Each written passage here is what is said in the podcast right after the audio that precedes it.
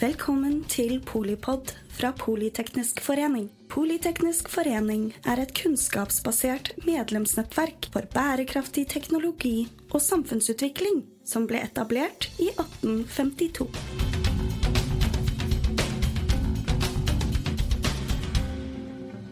Veldig spennende å være her og ha finansminister Slagsvold Vedum på besøk. Velkommen. Takk for det. Det var jo en eh, fin samtale vi hadde i fjor også, men da var det litt mer støy rundt eh, budsjettfremleggelsen. Har det vært litt roligere i år?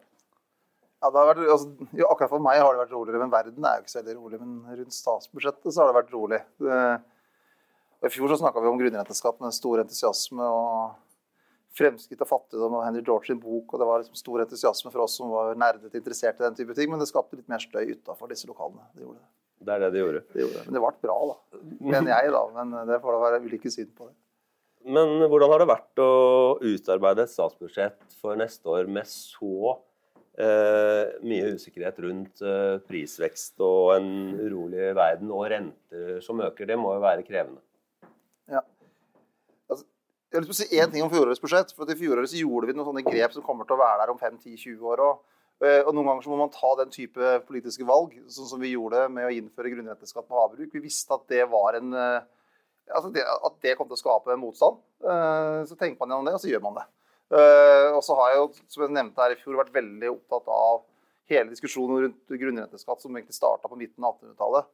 Jeg anbefaler alle som er interessert i å lese boka 'Fremskritt og fattigdom', som handler nettopp om samfunn som har mye fremskritt. Hvordan, hvorfor blir det også fattigdom der? Og da er noe av svaret hvordan man skal dele på grunnrenta. Og det grepet som vi gjorde i år, det kommer ingen annen regjering til å fjerne når det kommer til stykket. Eh, fordi at det er en varig og god løsning. Og Det gjorde også budsjettet i år litt etter det. Men det som er krevende, selvfølgelig, det er jo at verden er så urolig som den er. Så vi flytter på veldig store tall. Eh, og så skal man jo klare å prøve å gjøre ting mindre vanskelig for folk eh, når det har så stor prisvekst samtidig som du ikke gjennomfører grep som forsterker det presset du er bekymra for. Mm. Eh, for Grunnlaget for mange av de problemene vi får, er jo nettopp prisveksten. Og så skal du da løse prisveksten, så skal du også bruke mer penger for å løse en del utfordringer. Og da er det å klare å gjøre det på en måte som ikke forsterker grunnproblemet. Eh, og i tillegg så må vi, når verden er som den er, prioritere mye mer på forsikringspremien. Altså Fra 1989-1990 så har vi jo gradvis brukt mindre og mindre på beredskap, fordi verden har vært tryggere.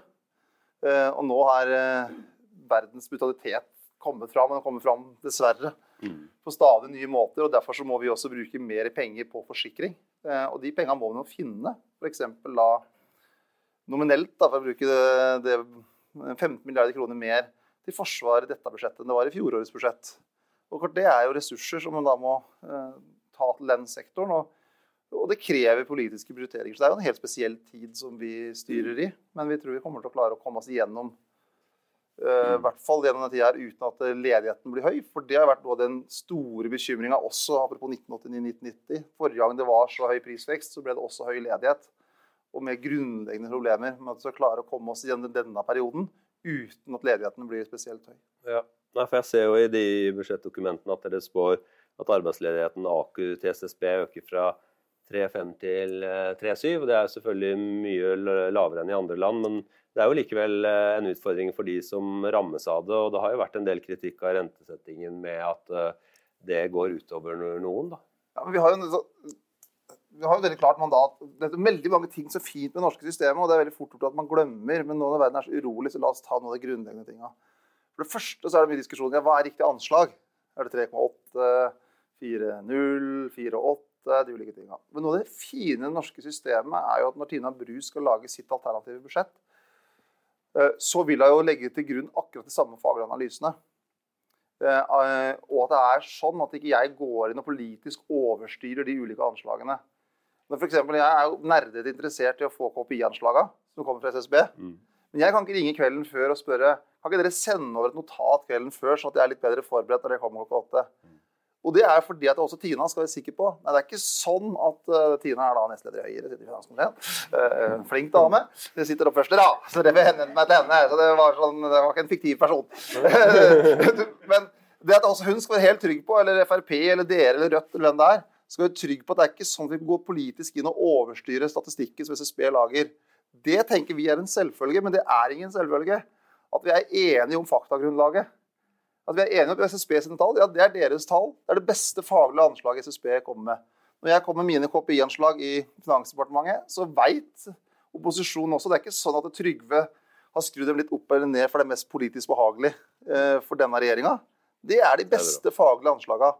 Utrolig viktig at vi f.eks. hadde blitt uro rundt det, så måtte man hatt et eget budsjettsekretariat på Stortinget som hadde gjort den jobben. Det har vært veldig lite lurt. Så det er grunnpilaren i det norske systemet er Vi må bare huske hvor viktig det er når det stormer så mye som det gjør nå, at vi tar vare på det, og at vi også klarer å ha liksom en sånn Vi har liksom, sånn, for å bruke Palme sitt, eller hvem det var, felles dansegulv da, eh, på liksom, hva er fakta, hva er sannhet. Og så diskuterer vi heller innafor den, den, rammen, og det, det, klarer vi. Og det er ingen selvfølge når du ser åssen verden er nå. Det er så mange splittelser. og En av de tingene som egentlig bekymrer meg mest, det er den maskina jeg har her. Sosiale medier. Eh, fordi at den liksom opplyste samtalen blir satt veldig under press. At det bare er kjappe løsninger hele tida og hardere og hardere ordskifte. Men i Norge så klarer vi liksom å ha det her felles faktagrunnlaget, og det er mm. utrolig viktig. Nei, det, er det, er store land som vi er veldig glad i, som ikke klarer det. Mm. Nei, det, det, er et veldig viktig fundament her. Ja. Uh, men hvordan er det på en måte Finansdepartementet For hadde jo den det som skjedde i januar i forhold til prisveksten som ble så enormt mye høyere. Det var jo usikkerhet selvfølgelig for et år siden. og så fikk man uh, beskjed om at statsbudsjettet skulle på en måte oppjusteres, og så kom det i RNB. hva, var bakgrunnen for det? Det, jo, altså det, handler jo om at i tider der det er rolig, så diskuterer vi ikke prisvekstveksten i det hele tatt. Eller eh, hva er KPI-anslag, den type ting. Det ligger der fast. Altså. er det ett år et halvt prosent over, et annet et halvt prosent under. Og så jevner det seg ut. Det er liksom det vanlige. Og I den perioden jeg har vært på Stortinget siden 2005, så har han liksom egentlig ikke bekymra seg for det der. Det er liksom sånn, ja, det ruller og går. Og det er jo bare at verden er mer urolig, og da er det også mer usikkerhet rundt anslagene. Og så kan man liksom lage en stor diskusjon om kunne vi vært enda bedre og flinkere. Vi prøver jo nå å sørge for at vi har enda mer oppdaterte tall helt inn. Altså at man, tidligere så kunne man eh, legge til grunn mer tall altså på våren. At det er, når vi la RNB, så tok vi med én måned til for SSB sine tall for å liksom være helt sikre på at vi hadde mest oppdaterte. Så, eh, men det er mer usikkerhet, og da slår det også inn eh, når du skal lage et statsbudsjett. Akkurat som det slår inn i folks private økonomi. Og så har vi revidert. Mm. Og revidert er jo også for å revidere, men selvfølgelig er det ikke gunstig sånn som det var i fjor. For det er mye bedre for offentlig sektor å vite at det er de pengene dere har, dere må planlegge ut ifra det. Det er mer forutsigbart. Og det er jo en av de mange konsekvensene av høy prisvekst. For det er høy prisvekst eh, sånn som det er nå, er jo et tegn på at det er mye usikkerhet rundt oss. Eh, men at vi Når vi da lager anslagene for i år, så er det de beste faglige anslagene som de flinkeste samfunnsøkonomene i Norge lager. Mm. Ikke for, å nærme noen, det er sikkert noen av de flinkeste her òg. og det er veldig lurt å søke jobb i Finansdepartementet hvis du er en dyktig samfunnsøkonom. Men det er jo det det er. Altså, det er veldig dyktige folk som uh, gjør etter både beste faglige vurdering og beste skjønn. For du må også bruke en del skjønn når verden er på den måten som den er nå. Nei, bare for å avslutte. Det er jo denne dramatiske konflikten i Midtøsten med Israel og Hamas. og det har jo vist seg tidligere at uh, oljepris og en del ting har blitt påvirket av nettopp uh, uro i Midtøsten. Det er jo tilbake i tid, og jeg husker fra pensum så har du OPEC 1 og OPEC 2, og vi har ikke tid til å ta på mm. hele den pakka. Men tror du det får noen effekt på, på norsk økonomi og oljeprisen? Dette er jo helt nytt, men likevel.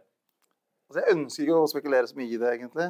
Men det vi har sett uh, Vi har jo sett den konflikt nummer én, Russland-Ukraina-konflikten, hvordan man har brukt energi og mat som virkemiddel i den krigen. Eh, som virkelig har slått inn, eh, både på matsida og på energisida på gjødselsida. Vi tenker ikke så mye på det, for vi er mer sånn overskuddssamfunn. Men for store deler av verden så er det noe av det som har vært virkelig eh, det store problemet. Men jeg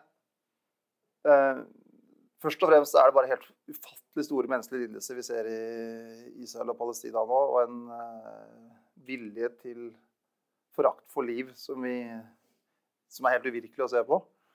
Så Det er det aller aller viktigste. Altså, både være tydelig, og det er vi jo felles i Norge, hva vi mener om det. Eh, jeg mener det er viktig at vi også tør å tenke. For det kan veldig fort bli veldig mange som roper om kortsiktige handlinger, at vi skal kutte all bistand f.eks. Men den humanitære krisen er jo større nå enn noen gang, så vi må også tørre å tenke litt langsiktig, ikke bare morgendagens debatt. Eh, men når det gjelder norske olje- og gasspriser, eh, nordsjøolje og alt det, så mm, har jeg ikke noe ønske om å ha en sånn høytenkning om det, akkurat sånn som situasjonen er nå. Tusen takk skal du ha, Trygve. Takk for at du lyttet til Polipod fra Politeknisk forening. Få med deg flere episoder, eller bli med på nettverksmøtene, som du finner ved å søke at polyteknisk, eller gå på vår hjemmeside polyteknisk.no.